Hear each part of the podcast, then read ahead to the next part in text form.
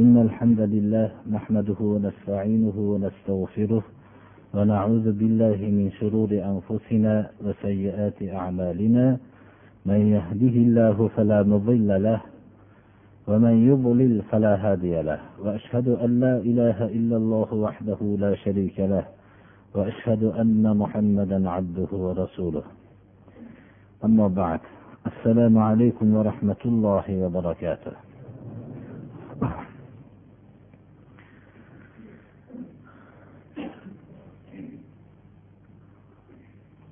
Bugungi kun rajab oyining oltinchi kuni juma kuni. Alloh subhanahu va taolo bugungi kunni o'tgan haftamizdagi gunohlarga kafforat bo'ladigan kunlardan qilsin. Inshaalloh bugundan qur'oni karimdan davom etayotgan darsimiz surai huddan boshlanadi. Surai hud janobi rasululloh sollallohu alayhi vasallam makkada turganlarida nozil bo'lgan. Surai hud bir yuz yigirma uch oyatni tashkil qiladi. Surai hud asosan payg'ambarlarning hikoyalari bilan ular haqida bo'lgan voqealarni alloh subhanahu va taolo makkada yashayotgan mushriklar tarafidan kechayu kunduzda ozor chekayotgan kechayu kunduzda tazyikning hamma suratiga duchor bo'layotgan rasululloh sollallohu alayhi vasallam yetakchilik qilayotgan ozgina jamoaga alloh subhanahu va taolo bu voqealarni payg'ambarlik tarixida bo'lgan voqealarni ularga eslatadiki da'vat yo'lidagi o'zining sunnatini bayon qilib beradi. Alloh subhanahu va taolo bu da'vatga islom da'vatiga ko'z ko'rmagan quloq eshitmagan insonning xayoliga kelmagan katta bir mukofotni va'da qilgan edi. Bu mukofot yer yuzidagi biror bir narsa emas edi. Yer yuzasidagi hayotdagi hamma narsani alloh subhanahu va taolo imtihon deb e'lon qilib qo'ygan edi. Shuning uchun ham ashobi ikromlar da'vat yo'lini muqarrar tushunib olishgan edilar. Ular bu da'vatning shunchalik moldan va jasad va butun havodisot qiyin og'ir musibatlarga tazyiqlarga bo'lgan mukofot bu yer yuzasida emas deb aniq yaqin hosil qilib olishgan edilar. Biror bir martaba va'da qilinmagandi rasululloh sollallohu alayhi vasallam tarafidan yo o'zlari kelajakda bir martabani ularga va'da qilmagan edilar. Faqat va'dalari alloh subhanahu va taolo qilgan va'dadan boshqa narsa emas edi. U ham va'da ham ya'ni rasululloh sollallohu alayhi vasallam aytgan va'da ham alloh subhanahu va taolo rasuliga bildirgan va'da edi. U jannat edi. Jannat bu yer yuzasidagi ne'mat emas edi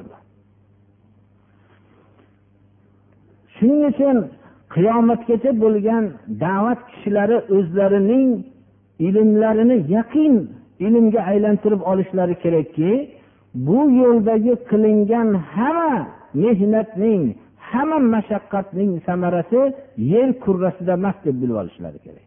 Lekin shak shubha yo'q. Islom yo'li yerdagi saodat ekanligida shak shubha yo'q. Yerdagi pokiza hayot ekanligida shak shubha yo'q. Lekin bu pokiza hayot qilingan mehnatning samarasi emas deb bilmoqlik kerak. Shuning uchun ashobi ikromlar og'ir bir hayotdan chiqishganlaridan keyin pokiza hayot ularga nasib bo'lib dunyoda saodatli bo'lib moli davlatlar kelgan vaqtda biz buning uchun musulmon bo'lmagan ediku deb hayron qolishardilar. Lekin keyin bilishdilarki imtihonning boshqa bosqichi boshlanganligini ya'ni endi tazyiq bosqichini bosib o'tishgan bo'lsalar makkada madina munavvarada nihoyat darajada moli davlatlar bilan boyigan islom dunyosining boshqa imtihoni boshlandi deb bilishganlar. Shuni biz yaxshi bilmoqligimiz kerak biz ham. Hud surasi janobi rasululloh sollallohu alayhi vasallam makkadagi og'ir sharoitlarida nozil bo'lgan edi. Ashoblarning og'ir sharoitlarda nozil bo'lgan edi. O'tgan payg'ambarlarning hammalarining og'ir sharoitda yashaganliklarini bayoni sura hudda bor edi. Va alloh subhanahu va taolo islomning avvalgi vaqtidagina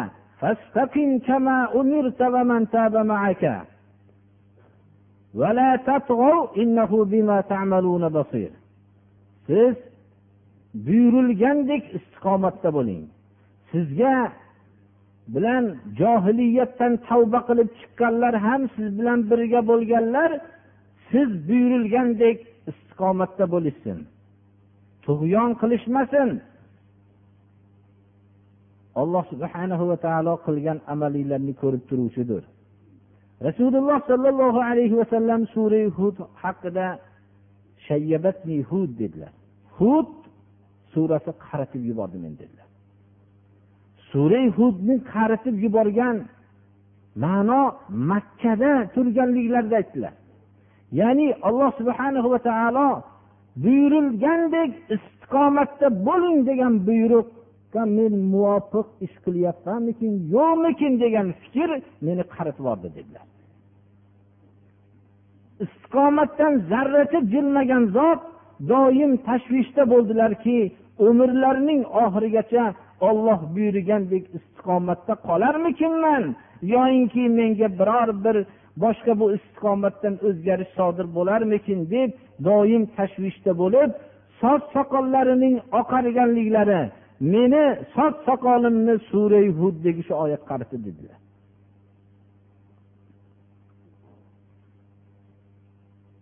Shuning uchun ham biz suray hudni dars qilib o'rganar ekanmiz. Ko'z oldimizga o'zining hamma molini hamma vujudini islom yo'liga tikkan sahobalarning dars qilganligini ko'z oldimizga keltirmoqligimiz kerak. Sura huddagi darsni butun payg'ambarlar tarixida payg'ambarlar hammalarining darsini alloh subhanahu va taolo rasul sollallohu alayhi vasallamning atroflariga yig'ilgan sahobalarga buni dars qilib va qiyomatgacha sahobalarga ergashgan va tobeinlarga ergashgan haqiqiy mo'minlarga dars bo'lib qolib abadiy kitobida qolishligini iroda qildi. Shuning uchun ham biz suray hudning qiyomatgacha bo'lgan haqiqiy rasululloh sollallohu alayhi vasallam va u kishining ashoblariga ergashgan kishilarning har bir qur'oni karimning oyati dars bo'lganga o'xshagan suray hud ham darsidir va dars bo'lib bilan birga har bir kishi ko'z oldiga bu sura haqidagi rasululloh sollallohu alayhi vasallamning shu suradagi bir oyatiki buyurilgandek istiqomatda bo'ling. Siz bilan birga johiliyatdan tavba qilib chiqqanlar ham buyurilgandek istiqomatda bo'lishsin degan g'am meni qaritib yubordi degan darsni ham ko'z oldimizga keltirmoqligimiz kerak.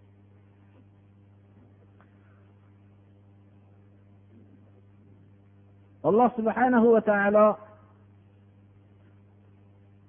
sura hudni avvalida ba'zi bir suralarda kelgan hurufi muqattoatlar bilan boshlaydi. Alif lam ro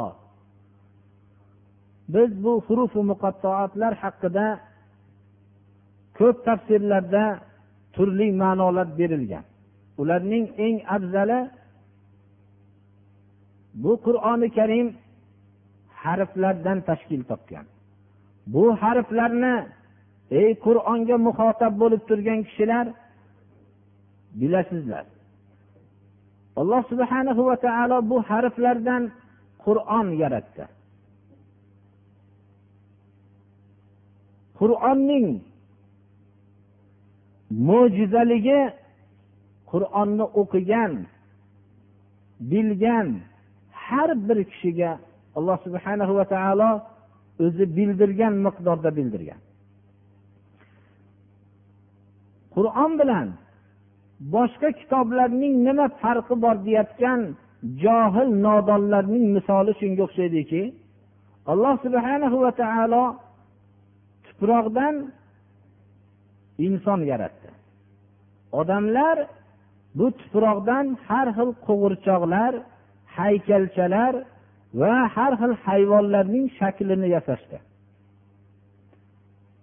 Bu mana biz ham xuddi ot eshak va boshqa hayvonlarning xuddi o'zini qildik mana. Bu odamni shakli bo'lsa mana haykallarni qildik. Bu haykal bilan insonda o'rtasida nima farq bor?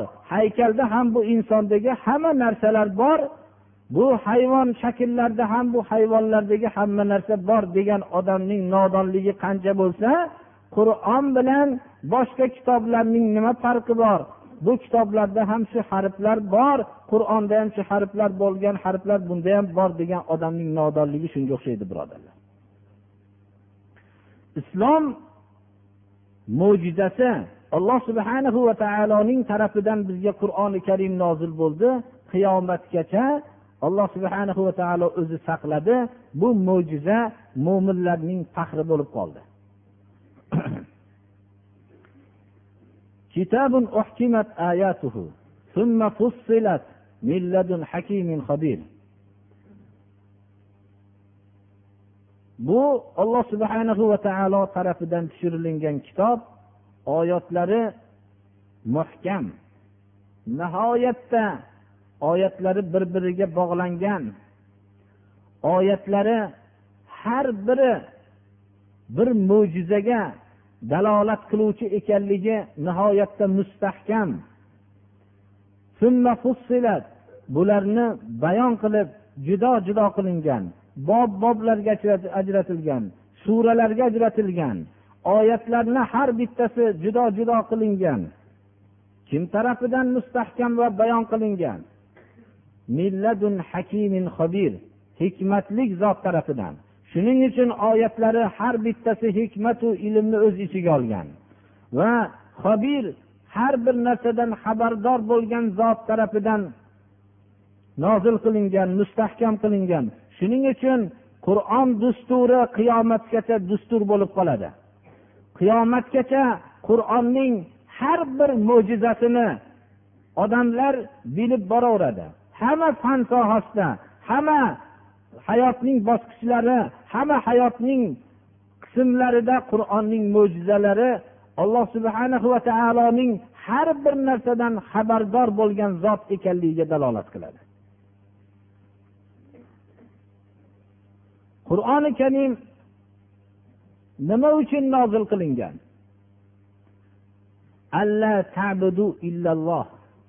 Butun payg'ambarlarni alloh subhanahu va taolo jo'natdi bitta maqsad bilan. U ham bo'lsa yagona ollohga ibodat qilinglar dedi qur'oni karimning qiyomatgacha bo'lgan buyrug'i yagona ollohni o'zigagina ibodat qilishlik. Ibodat arab lug'atidan ma'lumki ibodat degan ma'no hayotning har bir qismini alloh subhanahu va taoloning buyrug'iga muvofiq o'tkazishlikdir. Olloh buyurgan narsalarni qilishlikdir. Olloh qaytargan narsalardan qaytishlikdir. Hayotning har bir qismini ollohni buyrug'iga muvofiq o'tkazishlik hayotning hamma qismini ibodat bilan o'tkazishlikdir.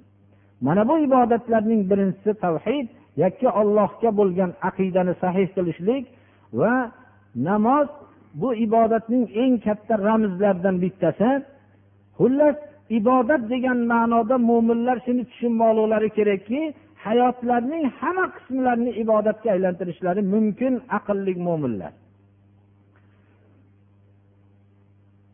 bay qilayotgan odam shariatga muvofiq bay qilishligi bilan ollohni o'zigagina ollohning buyrug'iga muvofiq qilib faqat ollohning buyrug'iga muvofiq bo'lishlik haqida mulohaza qilib bay qilishligi ibodatdir.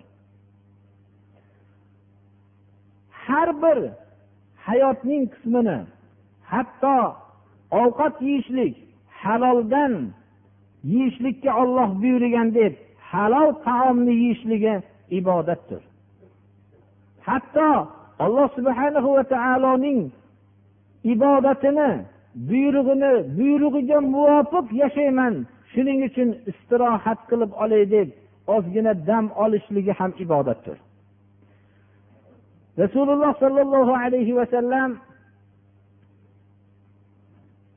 ashobi ikromlarga o'zining oilasiga biror bir nafaqa olib kelishligi bilan ajrlanasiz dedilarda hattoki o'zining oilasi bilan jinsiy aloqada bo'lishligini ham ajrlanishligini aytganlarida ashoblar hayron bo'lishdilarki rasululloh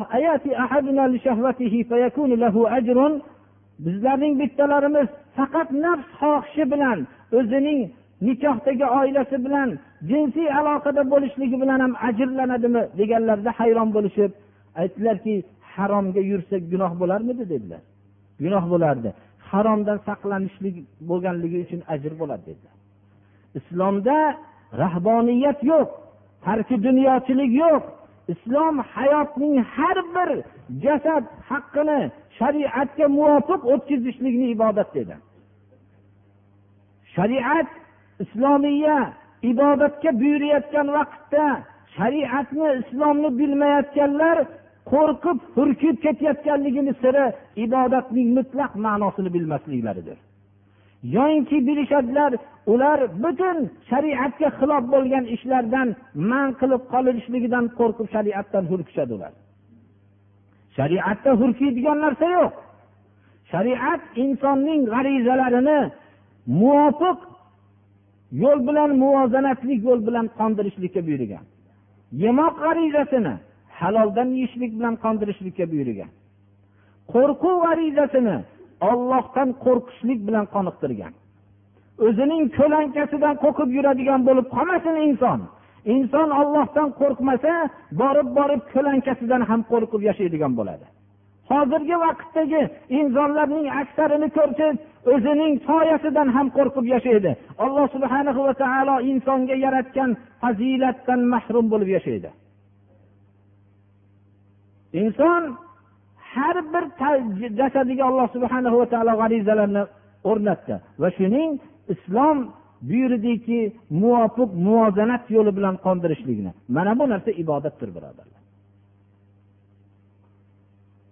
Insonga jinsiy g'arizani yaratdi va unga nikoh bilan turmush qilishlikni halol qildi.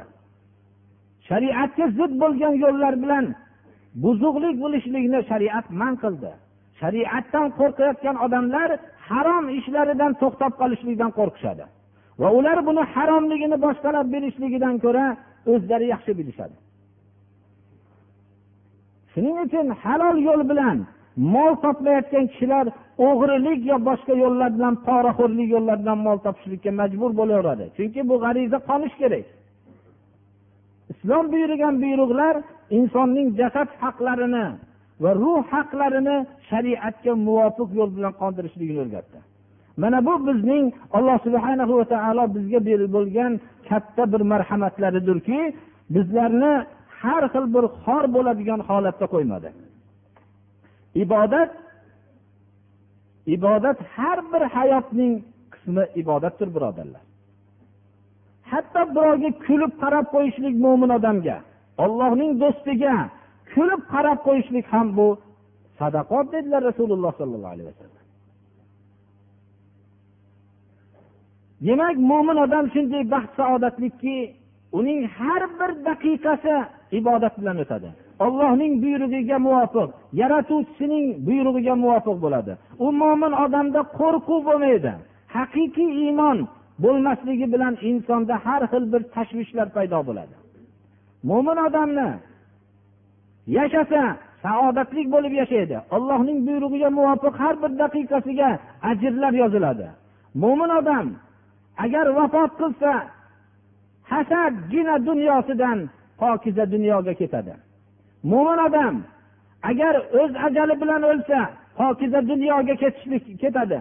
Agar birov zolimlar tarafidan o'ldirilsa mo'min odam unda yana ham quvonadiki shahid bo'lib ketadi. Mo'min odam o'zining mahbus bo'lib qamalishligini olloh yo'lida xilvat deb biladi. Olloh bilan unus bo'lib o'tirish deydi. Mo'min odam surgun bo'lsa mo'min odam sayohat deb biladi. Lekin har qanday tazyiq bo'lsa ham mo'min odam uning o'ziga ibodatga aylantirib oladi. Shuning uchun birodarlar mo'min odamga harom bermaydigan zolimga duchor bo'lib qolsa unga harom qilingan narsa halolga aylanadi. Mo'min odam kasal bo'lsa sabr qilib ajrlanadi. Mo'min odam tandurust bo'lsa allohga hamdlar aytib ajrlanadi. Mo'min odamning farzandlari ko'p bo'lsa allohga hamd aytib bularning rizqini olloh beradi deb turib tang bo'lmaydi. Mo'min odam farzandi bo'lmasa olloh menga bergan qismati shu deb sabr qiladi. Biror bir daqiqada mo'min odamni ezib tashlashligini iloji yo'q. Faqat mo'min bo'lolmasagina u hayotda tang bo'la boshlaydi. Haqiqiy mo'min bo'lgan odam baxt saodatli bo'lib yashaydi. Dunyoda agarki bu sizlarga g'alati tuyulsa ham aytamanki ikki toifa odam hayotda mazza qilib yashaydi. Birinchisi haqiqiy mo'min komil odam mazza qilib yashaydi. Chunki u hayotining har bir qismini ajrga aylantirib oladi. Ikkinchisi jinni odam maza qilib yashaydi. Chunki u aqlsiz u kecha nima bo'lishini o'yishi yo'q. Hamma to'y tomosha qilayotgani ham bir unga unga hamma musibat bilan o'tayotganligi ham bir. Unga hayotning hech qizig'i yo'q. Unga bir narsani tashvishi ham yo'q. Unga hech biror hayotda tashvish yo'q. Doim uniki uni hayoti doim bahor bo'lib turaveradi. O'rtadagi hamma odam ezilib oqib yashayveradi va dunyoda uni ezilishligi bilan hayot o'zgarib qolmaydi birodarlar. Men bu bilan majnun odamning havas qilinsin demoqchi emasman. Alloh subhana va taolo uning taklifdan tashqari qilib qo'ydi. U qiyomatda so'ralmaydi. U majnun u biz aql ne'mati qancha katta ne'mat ekanligini ibrat hosil qilishligimiz molig'imiz kerak ko'rib.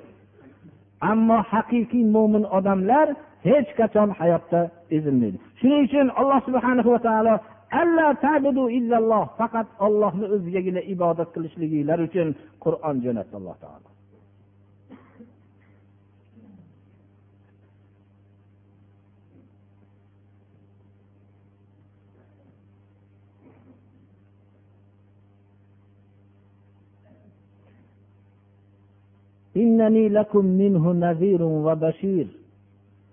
Men sizlarga muhammad alayhissalomni alloh taolo buyuryaptiki ayting men sizlarga olloh tarafidan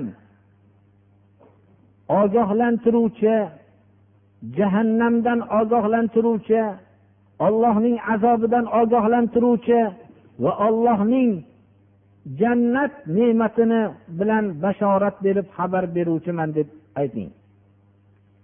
Rasululloh sollallohu alayhi vasallam ixtiyorlari bilan payg'ambar bo'lganlari yo'q. Olloh tarafidan payg'ambar qilindilar.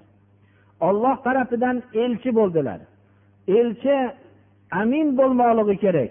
Bo'lib ham rasululloh sollallohu alayhi vasallam va boshqa olloh tarafidan elchi bo'lgan hamma payg'ambarlar amin bo'lishdilar. Olloh tarafidan nima yetkazilingan bo'lsa dunyo qarshi turishligiga qaramasdan bitta o'zlari qolgan vaqtlarda ham bu omonatni pokiza yetkazishdilar. Men olloh tarafidan sizlarga jahannamdan ogohlantiruvchi va jannatning bashoratini beruvchiman.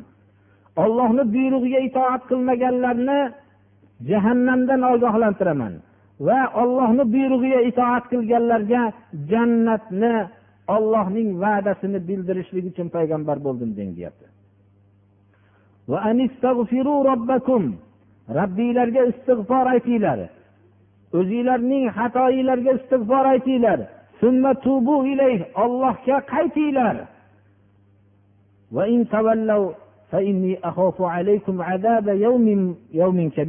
Agar sizlar ollohning buyrug'idan bosh tortsanglar men sizlarni ustinglarda katta kunning ulug' kunning ya'ni qiyomat kunining azobidan qo'rqaman. Mana bu payg'ambarlarning olib kelgan yo'llari. Hammanglarni boradigan joyinglar ollohni huzuriga borasizlar haqiqiy mo'minlar ham ollohni huzuriga boradi. Kofirlar ham ollohni huzuriga boradi. Kambag'allar ham ollohni huzuriga boradi. Badavlatlar ham ollohni huzuriga boradi. Haqiqiy adolatli kishilar ham ollohni huzuriga boradi. Zolimlar ham ollohni huzuriga boradi. Boshqa hech yerga borolmaydi ollohni huzuriga borasizlar. U olloh qanday olloh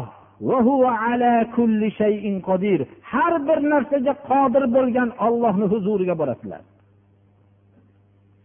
Mana bu risolatdan bo'lgan asosiy maqsadni ozgina kalimotlarda alloh subhana va taolo o'zining abadiy kalomida mana bayon qilib qo'ydi. Islom biror odamni dinga majbur qilgan emas. Xohlasin aqidani qabul qilishlikka majbur qilgan emas. Xohlasin islom aqidasini qabul qilib jannatga dohil bo'lsin. Xohlasin jahannamga o'tin bo'lsin bu aqidani qabul qilmasdan. Mana bu narsani payg'ambarlar ogohlantirishlik uchun kelishganlar. Makka muhitida faqat shu ogohlantirib yashashdilar. Ogohlantirganlar tamomiy tazyid azobga duchor bo'lishdilar. Inshaalloh keyingi darslarimizda olloh nasib qilsa bu payg'ambarlarning boshlaridan o'tgan voqealarni alloh subhana va taolo ashobi muhammad alayhissalomga bayon qilib beradiki u surayhudning makkada payg'ambarimiz sollallohu alayhi vasallam turganliklarida nozil bo'lganligi esimizdan chiqmasin. Makka qanday muhit ekanligini hammamiz bilamiz. Mana bu vaqtda ashoblarga bu oyatlar tasalli bo'lardi va ularning da'vat yo'lida barqaror bo'lishliklariga sabab bo'lardi. Qur'on islom ummatining azaliy kitobidir. Qur'on islom ummatining tugalmas bir boyligidir. Qur'on islom ummatining qiyomatgacha bo'lgan darsidir. Bu dars o'zining biror bir to'xtamsiz o'zining harakatini olib boraveradi. Qur'oni karimni o'ziga dars qilib olgan odam albatta najot topadi. Dars qilib olishlik faqat o'qib ilmini oshirishlik bo'lmasligi kerak. Dars qilib olishlik bu qur'oni karimga amal qilmoqlik bo'lishligi kerak. Inson qur'oni karimni o'qib o'rganib amal qilsa unga hayotida bir maydonlar ochiladiki u maydonlar hargiz o'zining dars qilib o'rganish maqsadida o'qiyotganda u dars maydonlar hech qachon ochilmaydi birodarlar.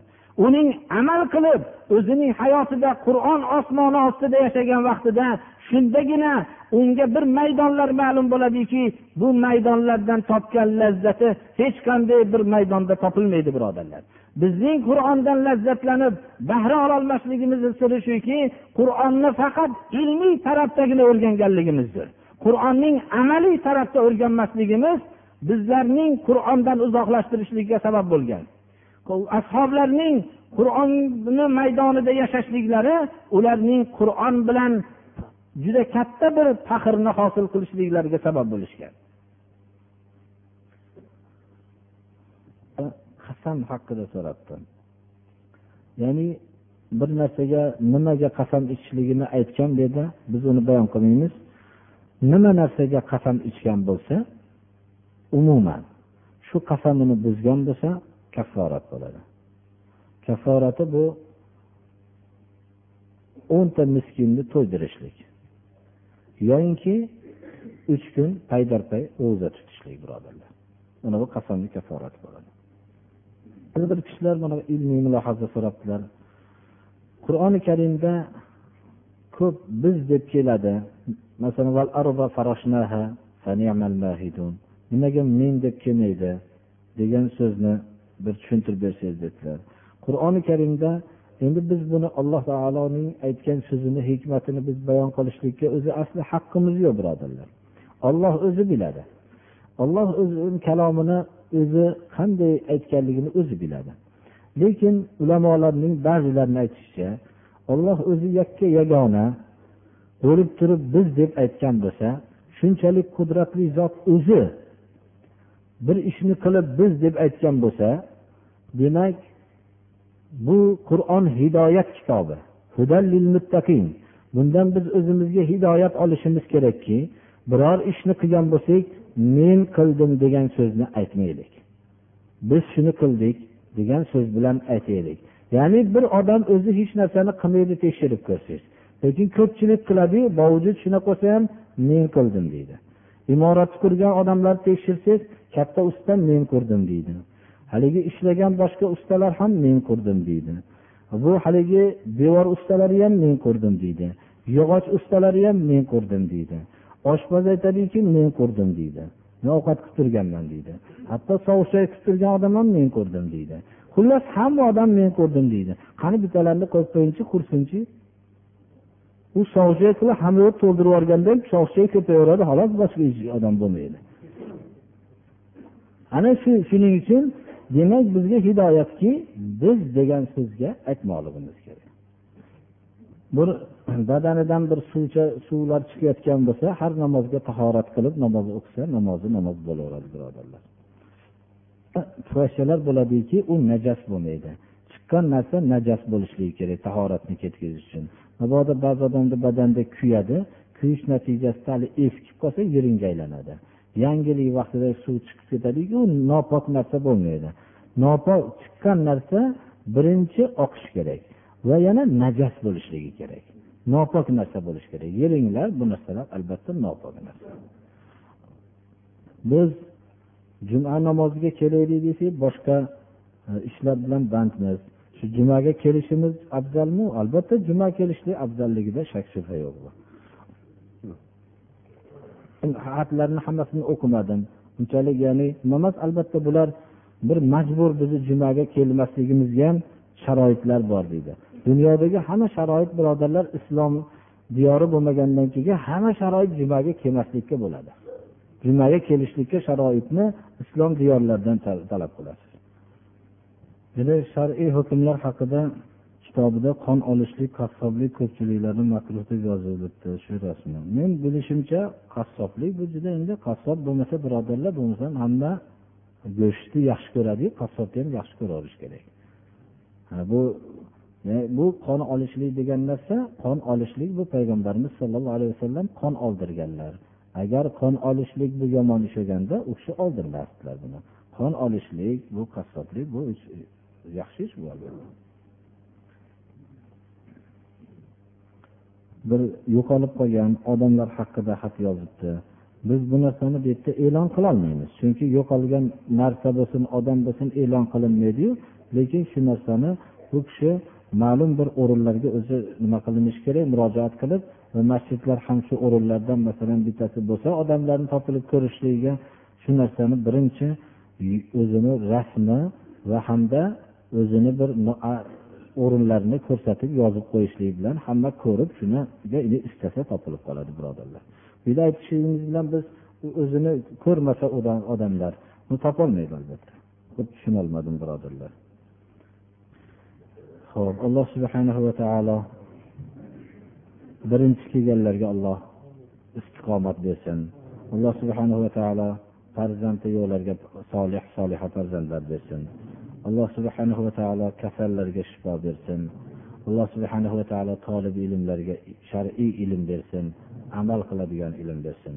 Alloh subhanahu va taolo gunohlarimizni mag'firat qilsin ibodatlarimizni alloh qabul qilsin.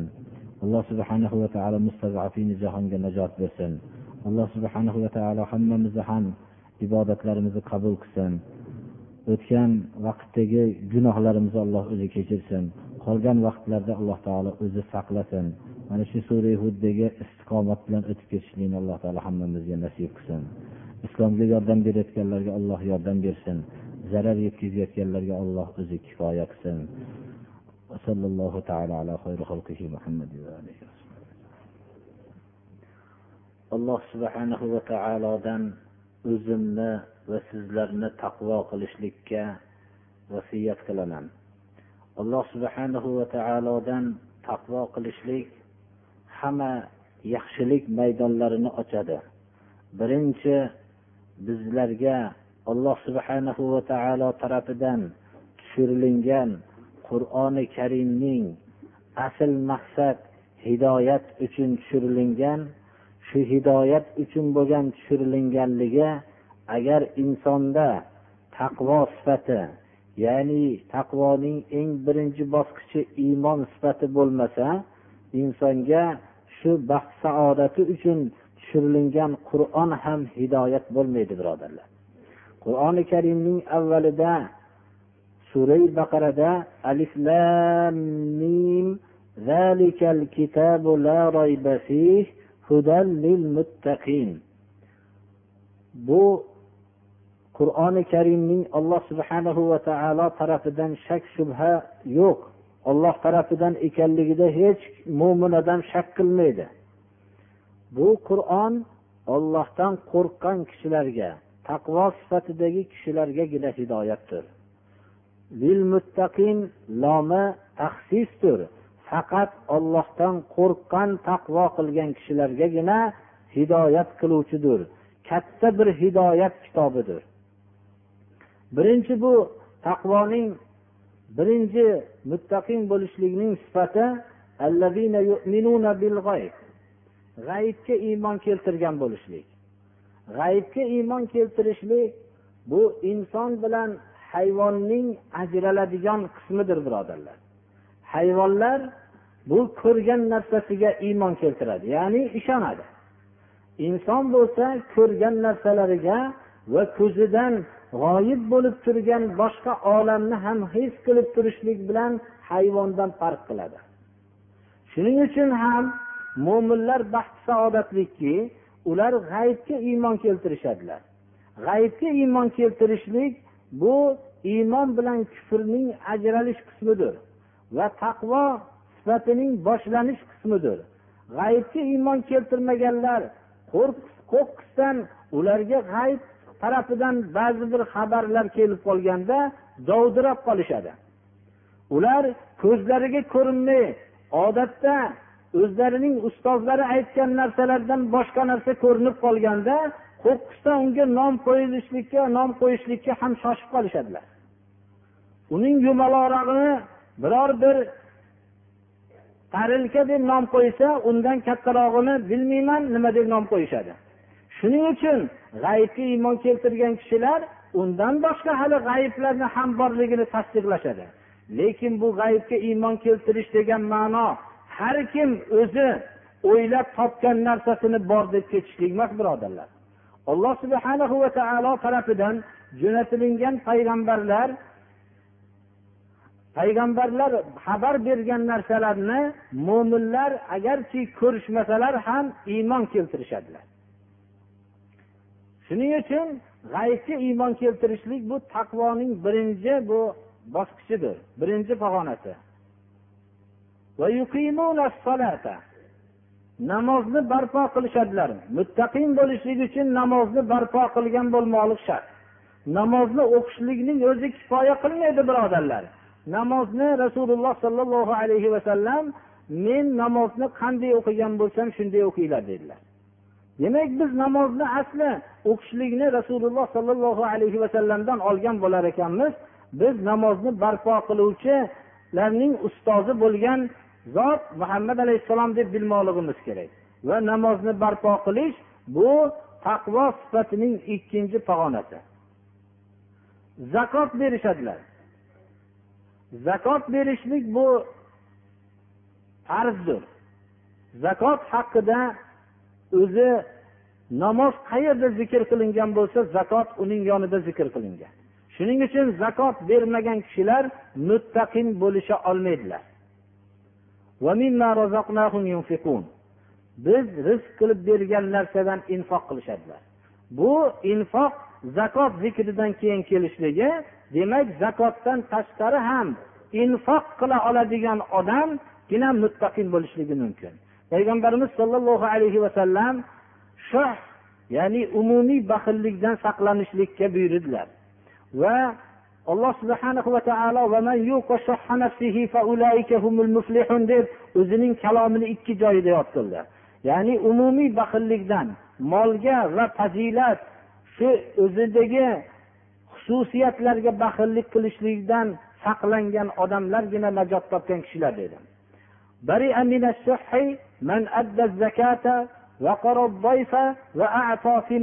Dedilar.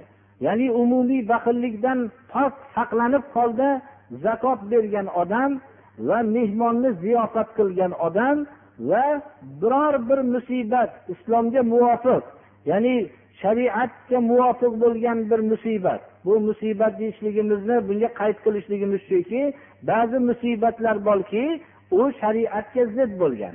Misol qilib olganimizda mast qiluvchi ichimlik sababli bir musibat yetgan bo'lsa bu biz bizni qalbimizda bunga rahm kelmaydi birodarlar. Mana bu noiba biror musibatga yordam bera olgan tabiati bo'lgan odam umumiy baxillikdan salomat bo'ldi dedilar. Ya'ni bu narsa insonning taqvo bahonalarini bosib o'tishlikka olib chiqadi. Va qur'oni karimga va o'tgan kitoblarga iymon keltirishlik bu muttaqillarning sifatlarini davomidir. Demak shu sifatlarga ega bo'lmagan odamlarga qur'on hidoyat bo'lmaydi birodarlar. Mana shuning uchun ham qur'onni nihoyatda ko'p bilgan odamlar borki namozni o'qishmaydi ular eng dunyodagi posiq odamlar bo'lishib qolgan. Namoz o'qimaganligi sababli zakot bermaganligi sababli uni qur'onni bilishligi unga foyda bermagan.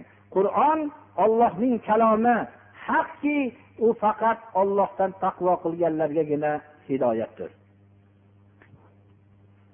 alloh subhanahu va taolo va maloikalar allohning rasuliga salovat aytadi payg'ambarimiz sollallohu alayhi vasallam salovat aytishlikka buyurdilar xususan juma kunlari salovat aytinglar dedilar أعوذ بالله من الشيطان الرجيم إن الله وملائكته يصلون على النبي يا أيها الذين آمنوا صلوا عليه وسلموا تسليما اللهم صل على عبدك ورسولك محمد النبي الهاشمي الأوفى وارض اللهم عن الأربعة الخلفاء والسادة الحنفاء أبي بكر وعمر وعثمان وعلي وعن سائر الصحابة أهل الصدق والوفاء وعن التابعين بإحسان ولطريقتهم مقتفى وعنا بعفوك وكرمك يا خير من اللهم إنا نعوذ بك من الكفر والفقر والجبن والكسل ومن فتنة المحيا ومن فتنة الممات ومن فتنة المسيح الدجال ومن فتنة عذاب القبر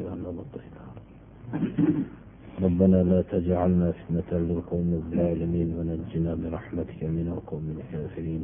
ربنا اغفر لنا ذنوبنا وإسرافنا في أمرنا وثبت أقدامنا وانصرنا على القوم الكافرين. يا رب المستضعفين نجي المستضعفين في العالم. ربنا لا تجعلنا فتنة للذين كفروا واغفر لنا ربنا إنك أنت العزيز الحكيم. ربنا آتنا ما وعدتنا على رسلك ولا تخزنا يوم القيامة إنك لا تخلف الميعاد. صلى الله تعالى على خير خلقه محمد وآله وأصحابه أجمعين الطاهرين الطيبين. وارحمنا واحشرنا معهم. بسم الله الرحمن الرحيم. قل ادعوا الله أو ادعوا الرحمن. أيما تدعوا فله الأسماء الحسنى. ولا تجهر بصلاتك ولا تخافت بها وابتغ بين ذلك سبيلا. وقل الحمد لله الذي لم يتخذ ولدا ولم يكن له شريك في الملك ولم يكن له ولم يكن له ولي من الذل وكبره تكبيرا سبحان ربك رب العزة عما يصفون وسلام على المرسلين والحمد لله رب العالمين. اللهم ارحمنا بالقرآن العظيم واجعله لنا ولا علينا حجة يا رب العالمين. صلى الله تعالى على خير خلقه محمد وآله وأصحابه. سبحانه وتعالى gunohlarimizni mag'firat qilsin ibodatlarimizni alloh qabul qilsin alloh subhanahu va taolo mehmonlarimizni qadamlariga hasanotlar bersin alloh subhana va taolo islomga yordam berayotganlarga yordam bersin. Alloh subhana va taolo islomga zarar yetkazayotganlarga alloh o'zi kifoya qilsin. Sallallohu taolo ala xayri xalqihi muhammadi va alihi va